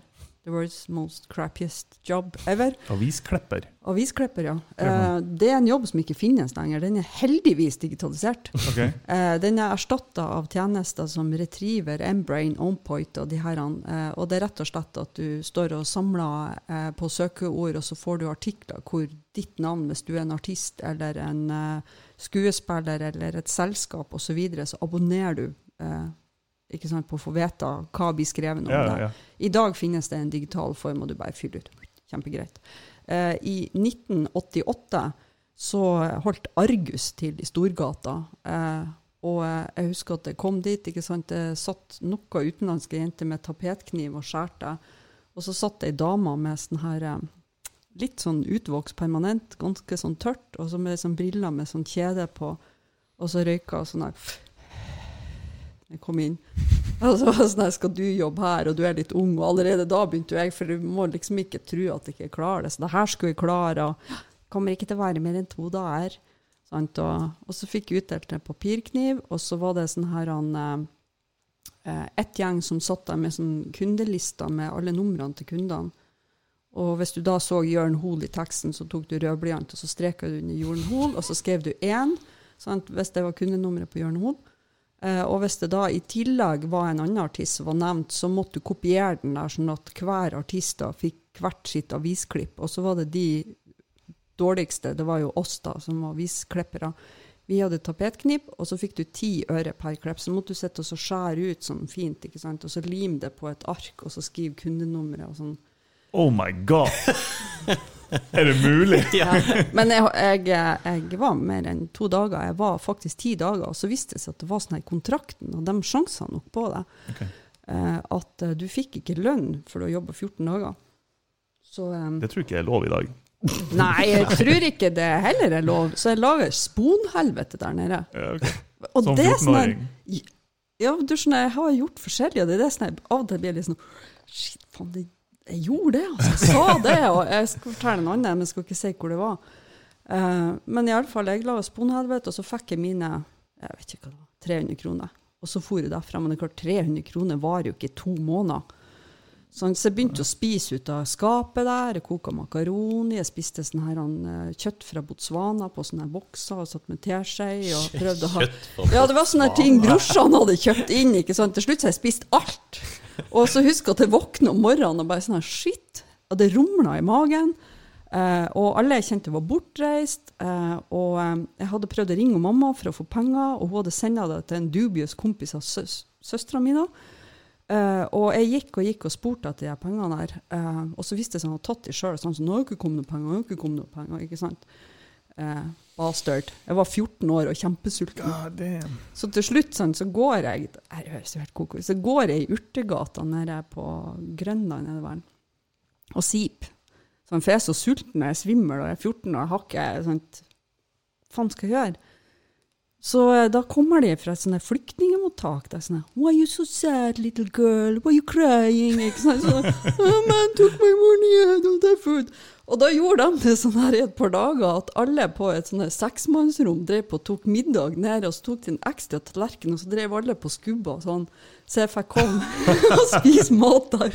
Men altså sånn, eh, takk for maten, staten, det er jo samme kosten, sånn sett. Så men jeg kunne ikke fortsette med å gjøre det der, og det ble oppdaga at norsk ungdom liksom var på asylmottak og spiste. så det var jo liksom, men det har jo fått litt energi og krefter tilbake. Så da for jeg ned på eh, eh, hva det heter, plata der, eller attmed, ja. Så stod jeg og så sånn, hvordan får vi folk tak i penger her? Og så så jeg plutselig noen sånne turister som kom og, med noe kart, og ja, de hadde lyst til å dra til Bygdøy, og det var så forvirrende, så åh, de skulle nesten ønske at de hadde guide. Og så, jeg kan være guide. Hvis dere kjøper en baguett og så gir meg eh, 50 kroner eller noe sånt og betaler bussbilletten, så kan jeg være Jeg visste jo ikke noe om historie. Så jeg til Bygdøy i lag med dem og leste fort på alle skiltene og forklarte. ikke sant? Sånn her, Hvor gammel var du da? jeg var 14. Så du var 14 i Ja. Oslo? Du, du, du Ja, hadde men ikke noe etter et par dager så var det noen som stjal konseptet mitt. Som var litt ellers, så begynte de å folk som var sånn Sjøren, altså, jeg får jo ikke noen kunder. Og så begynte jeg å gå oppover Karl Johan, og så gikk jeg til Spikersuppa. Husker det var veldig varmt, og satt jeg bare sånn her, var sulten igjen og tenkte søren, hva jeg skal gjøre nå? Og så så jeg masse gateselgere, og så begynte jeg å tenke kanskje jeg skulle bli gateselger, bare. Eh, og så så jeg en som solgte så dårlig. Eh, var bare sånn her, alle bare dodga. Så jeg gikk bort til han og så sa jeg, du, hei, eh, jeg ser at du selger ikke så bra her. Ja, hva du mener, ikke sant. Eh, Så sier jeg at hvis du gir meg fem minutter, så kan jeg love deg jeg skal selge mer enn du har gjort den siste halvtimen, for jeg har fulgt med deg. Eh, Og hvis jeg gjør det, så vil jeg jobbe hos deg, og da skal jeg ha 200 kroner dagen. Så da gjorde jeg det.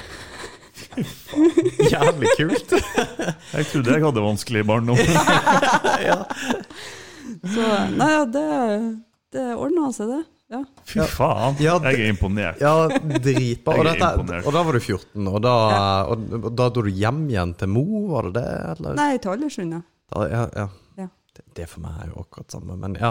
Ja, nei, da, det var jo ikke Silatunnel, så det var faktisk Var det ikke Silatunnel? Nei, nei, nei, så da var jo ferja det var noe helt annet. Silatunnel, ja.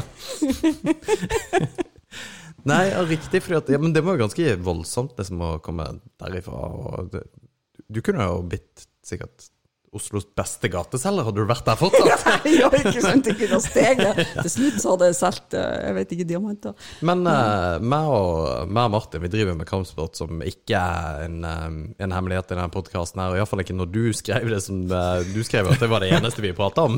omtrent. Men uh, det kommer jo frem at du har, du har jo vært i slåsskamp uh, i 1984. Ja, det, det er bra du minner meg på det. Ja, Og da var, Men det var vi, ikke du som starta den? da var vi ett år. Var ikke, det var ikke jeg som starta den. Jeg har lyst til å si òg at jeg har jo ikke vært noe sånn jeg, har ikke vært noe interessert i, i sport, nei, men det var jo, det her var jo 1. mai-stafetten som var den store happeninga i Lurøy kommune. Da kom man liksom fra fastlandet, ut fra alle øyene, og så konkurrerte skolen mot hverandre i stafett. Uh, og jeg, hadde, jeg var ganske tynn og lett å sprenge. Altså sånn, jeg sprang fort, og de hadde sett meg på sprint. Altså, nå kan jeg si de har sett meg på sprint. Men jeg tok det veldig, veldig seriøst. Og så, dessverre, så var det sånn dokumentar om Grete Waitz dagen før.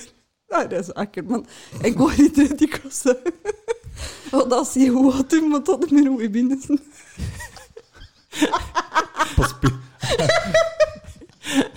Så øvde læreren min var sånn, jeg skjønner ingenting du sprang jo så fort på treningen. Men fordi Grete Waitz har jo sagt det. Ja. Grete Waitz vet jo mer enn læreren. Så, så vi fikk eh, andreplass, sølv. Eh, det var, mamma var veldig sånn her, å, tenk at dere fikk sølv og pokal og sånn. Og så klarte jo ikke jeg å si, jeg tror det var lenge etterpå, at det var jo bare to lag som deltok. Men iallfall så eh, Jeg lurer på hvor kommer slåsskampen? Ja, ja, ja. Det er etterpå, så er det jo sånn her, alle er samla inn i der uh, gymsalen på Bonøya. Og så eh, eh, Jeg var jo født med en sånn fødselsarr som var forma som Latin-Amerika oppi her. Ganske sånn type Gorbatsjov. vi, ikke sant? Ja, men det var før Gorbatsjov. Det ble litt lettere når han kom. Det, liksom, du har et arr her. Er det, er det fødselsmerket? ja, det er Haukeland som har tatt det bort, så det her er Ja. det som blir igjen. fordi at du får det ikke til å forsvinne. Men da hadde jeg Du må få en kulere historie enn det. Ja, når jeg kom til Mo, så var det noen som trodde jeg hadde fått ei øks i panna. Jeg lot dem bare tro det, for det er veldig viktig å holde på. Kjør på. Ja, ja, ja. Sant? Blir plager. Men iallfall så går jeg nå inne der i lamma hun Vanja, som er ett år eldre enn meg, men som er sånn her mye kortere, og som har et farlig temperament. Veldig, veldig søt jente. Sånn her og nydelig, sånn her, alle sånn store, brune, uttrykksfulle øyne, langt hår som skinte, ikke sant, sånn her vakkert barn. Men med et jævlig temperament. Og så, så står det plutselig ei ganske svær, hø, høyere enn meg fra Slenes, jeg skal ikke si hva hun heter, litt grov jente og lener seg opp. Og så går jeg forbi der sammen med Vanja, eh, og er litt foran meg. Så akkurat når jeg passerer, så sier hun sånn nei, misfoster. Sant? Jævla misfoster til meg. Og da går jo de jenta der går i andre, jeg går i tredje, og hun, eh, Vanja går i fjerde. Og så Jeg brukte ikke å høre det fra unger jeg vokste opp i lag men hvis man var noen, så kunne, altså en annen plass, så kunne du jo få høre, og det var jeg vant med at du liksom bare du later som du ikke hører, og så går det bare. Mm. Men det er jo ikke Vanja. Hva er det for noe? Kom sprengende tilbake. Og så skal jeg til å si sånn her, nei, det gjør ingenting, ikke bry deg. Sant? Men hun bare sprang nesten i lufta, sånn klatra opp på den jenta da, som er to haug høyere enn hun. Og så opp i ansiktet på henne, klapp tak, sant? og tar med ene klyp i kjøttet i ansiktet, det andre i håret, og de går ned, og det er full slåsskamp der nede. Sant? Og hun fra Slenes begynner å få inn noe ganske bra på Vanja. Så jeg prøver å gå bort sånn her og skal skille dem. Men da er det bare sånn Så har jeg sånne klyper, og i hodet her, da er det hun fra Slenes som har tatt meg. Og jeg så at hun, Vanja lå med en sånn der dusk med hår i hånda. Det var ganske voldsomt. Eh, var jo Jeg har aldri vært i noe sånt her. jeg ikke heller var helt uforskyldt, ikke sant? så jeg begynner å slå for å få det unna. Og da kommer det en sånn her voksen, og så skiller. Og så blir hun der som da er høyest, men som egentlig er aldersmessig yngst. Og jeg, som var helt uskyldig, vi ble tatt til side. Dere må faktisk oppføre dere. Syns dere det her er en måte å representere bygda på? Kom hit og slåss og sånn her. Og så står de og trøster hun som er eldst, ikke sant, med nydelige brune øyne. Ikke sant? Som et sånt offer. Det var, hun som starta det. Men jeg starta ikke det. Nei. Jeg prøvde å vende det andre kinnet til, men det var veldig vanskelig. Det skal man ikke gjøre. Det, det er vanskelig når man har gode venner. Ja. Ja, spesielt når noen holder kinnet. Ja, fantastisk. Ja, nei, men Da har vi jo fått hørt den historien. Ja, for den lurte jeg veldig på.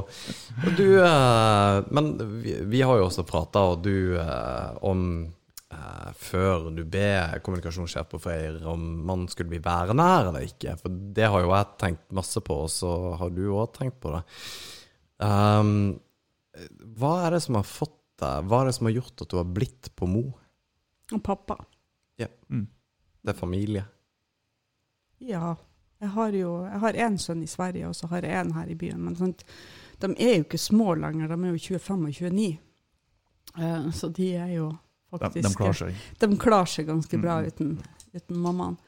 Eh, men jeg har en pappa som er 85, som bor der hjemme, og da ja, Mm. jeg tenker jeg, jeg holder meg her. Ja. Men jeg var lei en stund. Mm. Lei av alt. Hvorfor? Hvorfor blir man lei? Fortell meg, du, du satt jo og hørte på deg gnåle her. Ja, men det er ikke jeg som skal intervjue. Hva er din vurdering? Nei, men hva, er, hva var du lei av? Nei, jeg tror, jeg tror det var litt sånn her, sikkert sånn her midtlivskrise. Mm. Um, sånn oppsummering uh, Kanskje jeg òg var litt lei å ta ting var tregt på jobb. Og du trenger ikke å si noen ting, men jeg er bygd for litt mer fart, og jeg har Tydeligvis. Litt mer sånn her uro i meg, så jeg, jeg Og sikkert utrolig nok for folk å høre, for du er jo master av uro. Men, men jeg tror det, det nesten sånn imploderte. Det, altså, gjorde meg helt sånn bedøvd, nesten deppa. Og så begynte jeg litt sånn Ja, faen, hvor du har kommet hen? Sant? Du, jo, du kom med 8,7 mil fra Aldersundet. Det er det du har gjort. Og du har ikke bodd noen annen plass, og du har ikke gjort noe annet. Du har, da begynte jeg å tenke litt sånn her han, Hvis jeg skal gjøre det, så må jeg gjøre det nå. Og, um, ja. og så kom liksom det her til meg, og nå er det jo Jeg vet ikke. Nå er det full fart. Nå er det full fart. Men jeg, hadde, jeg skulle jo um, jeg, jeg skulle jo ha sånn her, han var jeg bleik og interessant og reise alene. Så han for jo til London i høst. da. Ja, nå gikk litt skeis på kjole, men jeg, jeg, altså, det gikk bra. For, Um, for du til London for å kjøpe en kjole? Nei, nei, nei. nei. Jeg, jeg for til London for å høre på Olafur Idnals. fordi at jeg er han? Nei, bare nikk og smil. Ok. Når du har spurt hvilken musikk jeg liker eh, Jeg er glad i elektronika og mot klassisk og sånn fusion-greier og sånn. Og det er en av mine favorittartister hadde da konsert på South Bank Center. Eh, og hadde mange andre assosierte artister av, som jeg òg likte. Så det skulle vi gjøre, og så skulle vi på British Museum. Eh, så eh, han sa det minst kan. 'Jeg venter på at du kommer til å ende opp med å feste med artister, mamma'. Typisk deg. Jeg Nei, nei, nei, nei. Mamma er alene der. Men Jeg, det ble litt festing da, men jeg stakk av. OK. Ja. Jeg syns det var for kjedelig. Men, men så skulle jo jeg dra til Italia. Det var jo det neste, liksom. Da skulle jeg, jeg skulle til uh, Gardasjøen, og så hadde jeg tenkt å elge meg inn på noen sånne gamle fiskere tidlig på morgenen. Så var med de ut og så fisk. Ja, jeg hadde lyst til å se hvordan de dro, eh, satte garn og dro garn, og hva det er slags fisk. Så det er bare sånn en idé jeg fikk. Uh, og så ville jeg til Verona og så se ordentlig opera i episenteret for uh, opera. Og så ville jeg til Pompeii, uh, fordi jeg tenkte at på den tida er det ikke så mye folk. Og så tenkte jeg meg nedover til Calabria. Eh, og så tenkte jeg at jeg må holde litt åpent og bestille det her, han her for ny jobb og sånn. Og så var det ny jobb, og så bare Og så korona. Og nå Jeg mener liksom, det er ikke til Nord-Italia. Det blir ikke først. Det blir ikke på en stund. Nei. Ja, at jeg, jeg kjenner meg litt sånn igjen, for vi har jo òg hatt eh, noen sånne samtaler. Sånn, mo, ikke mo, hva skal jeg gjøre, skal jeg ikke gjøre? Eh, for jeg har jo egentlig ingenting som holder meg igjen her, sånn sett. Eh, Men kommet til akkurat samme konklusjon som deg. Det er egentlig mora mi som Jeg håper ikke hun hører på, for nå blir hun for fantastisk dårlig samvittighet. Uh, men det er liksom, ja, nei, men jeg, så lenge hun er her, så, så, så ønsker jeg gjerne å være på Mo, for hun er, begynner å nærme seg 80, liksom. Og, Og så er det det her med venner, for jeg hadde jo òg en stund, sånn crazy stund, sikkert i to år, hvor jeg alltid satt og søkte ledig arbeid på Gotland, eh, fordi jeg digger å være der. Eh, men det er jo nå har jeg jo blitt kjent med flere folk, sant? og det er jo sånn men det er sjukt deprimerende på vinteren, og her har vi mest selvmord i hele Norge, i Sverige, og det er sånn OK, shit, det er kanskje OK å være på sommerferie. Eh, men, eh, men da, da satt jeg liksom og, og tenkte på å flytte dit, og, og så for meg at jeg, ja, jeg vet ikke. Sånn et annet liv. Når man blir lei av seg sjøl, så tror man at det er å flytte, men det, det nytter jo ikke. Det er jo nissen. Men det kom fram til, det kom frem til, var at eh, OK, du skal være spenningssøkende, bla, bla, bla, og sånn her, og prøve noe nytt, utfordre deg, og ikke stå stille, og alt det her. Men det er ikke noe garanti. Altså, for meg er jo livet er jo venner. Det er jo, vennene er jo familien min. Eh, og det er kjempe, kjempeviktig. Og hvis at jeg flytter en annen plass det er ikke noen garanti for at du får venner der av det kaliberet og det nivået og alt sånt her. Og da tenker jeg at det nytter ikke liksom sånn her hvor mye åpna landskap og Ulf Lendel du får det på Gotland hvis du sitter der alene og ikke har kompisene dine. Nei. jeg, jeg er helt enig. Um, jeg skulle si et eller annet, men jeg bare, det bare forsvant. Nei, jeg tror um, um, Bare sånn avslutningsvis, Hilde, så, så håper jeg virkelig at uh, det batterifabrikk-greiene går uh, i orden. Nå kom jeg på det. Alt mye annet. Yes. Jeg har vært uh, For Det er så random, det her. Men jeg må, jeg må se det likevel. Uh, for uh, Var du alene i London? Ja. Du reiser alene? For jeg, jeg elsker å reise alene på ferie. Jeg, jeg føler meg litt sånn skyldig, for jeg føler at det er feil. Det har jeg egentlig ikke lov til å like. Å fære alene. Folk Jeg elsker ikke det, men det er litt sånn her han Jeg liker å være uavhengig. Ja, det, det er egentlig det jeg òg ønsker. Um, eller liker. Og jeg, har, jeg for til um, Dublin. For til Irland. Alene. Det er, det er ikke så fryktelig lenge siden heller.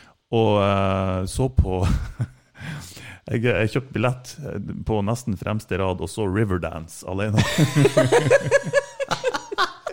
og det var dritfett! Ja. ok? Det var dritfett! Det skal du skrive på Tinder-profilen din. Nei, det, det tror jeg vi Jeg dro alene til Irland. Nei, men det, jeg synes det, det er veldig mange som, som sier sånn her Jeg fikk ikke sett den filmen der. Det var ingen som ville gå på kino.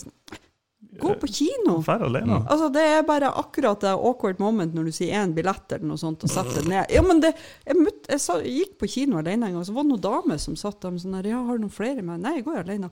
Gud, jeg har aldri tort. Og Bare sånn, her, ja, men det er jo faktisk ikke strekkhopping, det her, da. Det, det er en film. Det, det er stigmatisering på det her. Altså. Det er, Ja, men det, ja, men det er òg sånn her han, åh, Nå kjenner jeg blir sånn Men alle de her tingene vi lager i hodet vårt, Kom igjen, kjør på! Som vi ikke kan sånn, Jeg spiller gitar. Jeg begynte da jeg var 23. Eh, og da begynte jeg med en plastgitar, og så spiller jeg til det gjorde jævlig vondt, og så teipa jeg alle fingrene, og så spiller jeg til jeg ble forbanna på teipen, så reiv jeg av teipen, og så spiller jeg til det vondt, og så teipa jeg, og sånn der holdt jeg på. Eh, og så treffer jeg til folk sånn Å, jeg skulle ønske jeg kunne spille gitar, og sånn her.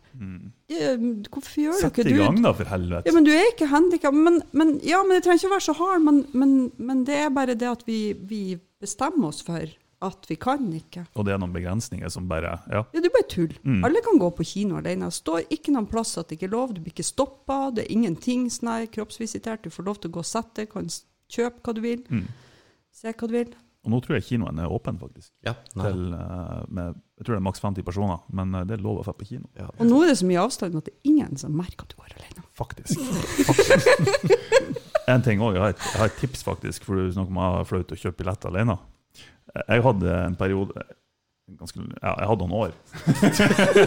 En fase. Der, en fase, en livsfase. Der, eh, ja, det er vel kanskje ikke noen hemmelighet at kostholdet mitt ikke har vært Det er ikke sånn super Det er ikke der, liksom. Det er ikke helt der. Så jeg kjøpte jævlig mye godter på butikken, og det syns jeg var litt flaut. da. Så et triks som jeg bare anbefaler alle å ta i bruk, det er kjøp to av hver, for da kunne jeg late som at jeg kjøpte onkelungene mine. Liksom, kjøp to av hver ting, da, da tror de at OK, det Men det er bare første gangen. Jeg, sånn her, jeg, Jeg har jeg, gjort det mange ganger. Ja, jeg bruker å si det sånn her, jeg skjemmes ikke. jeg, jeg blir ikke Det er noen ting som jeg blir sånn skamfull å ta, men det har du òg, sånn her han Ja. Og det er når vi syns det er så ekkelt på andres vegne. Og blir sånn, Ja, det «Oh», syns jeg ikke er? Ja. Det er ille. Men, men sånn for meg sjøl, så Ja. Ja. Som han sa, han islendingen jeg bodde sammen med. Første norske ordet jeg lærte. Ja, så se hva det var for noe. Ah, nei. Ah, fantastisk. Kjempegreier, Hilde. Tusen, tusen takk for at du kom innom og prata litt om eh, egentlig veld, veldig mye forskjellig. Jeg er imponert over eh, hvor mye du kan allerede sånn rent teknisk om Ja. produksjon. og sånn. Jeg er jo supernerd, ikke sant? så jeg elsker jo sånne ting. Alt av detaljer, det elsker jeg. Eh, etter bare noen måneder i jobben, liksom. Det, Ja, jeg skulle ha kunnet det enda bedre. Men det er jo det, det er jo ikke sånn at jeg har tid å sitte og lese veldig mye. Du må jo gjøre noe. Ja. Så, eh, men det kommer. Er ved osmose, tror jeg, eller noe sånt. ja, men eh, vi, eh, Det var veldig hyggelig å, å prate med deg, og jeg tror mange har nytte av infoen som er kommet frem i dag. Og eh, jeg håper i hvert fall Ja. har nytte av Og et lite innblikk i hvem Hilde er. Og jeg syns det er kult de siste historiene du kommer også. Det, det har Ja, nesten det- vært en litt greie eh, gjennom de vi har prata med, litt sånn eh, tilfeldig, at alle har til felles det der med på en måte en sånn vilje til å gjøre noe. Og det det sånn som- drivet der. Ja, det driver, og det, det er dritkult. Og at folk i Helgeland eh, får sett og hørt folk som tenker sånn som du sier. Akkurat gitarhistorien den er helt enig. Bare, jeg skulle ønske det. Bare gjør det.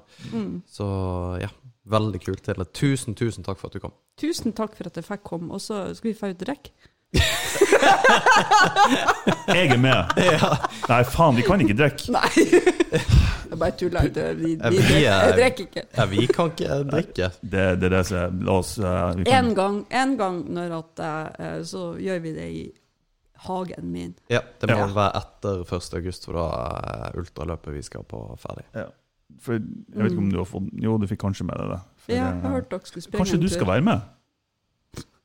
Blir en kald dag i helvete. det var det jeg også sa. I løpet av episoden på en time så gikk jeg fra det til Nei. OK, vi deltar. Jeg vet det, men jeg er ikke lett overtalt. Når jeg har sagt nei, så har jeg sagt nei. Ja, ja. Nei, men uh, greit. Konge. Veldig hyggelig. Vi ses. Takk. Ha det bra. Ha det. Ha det.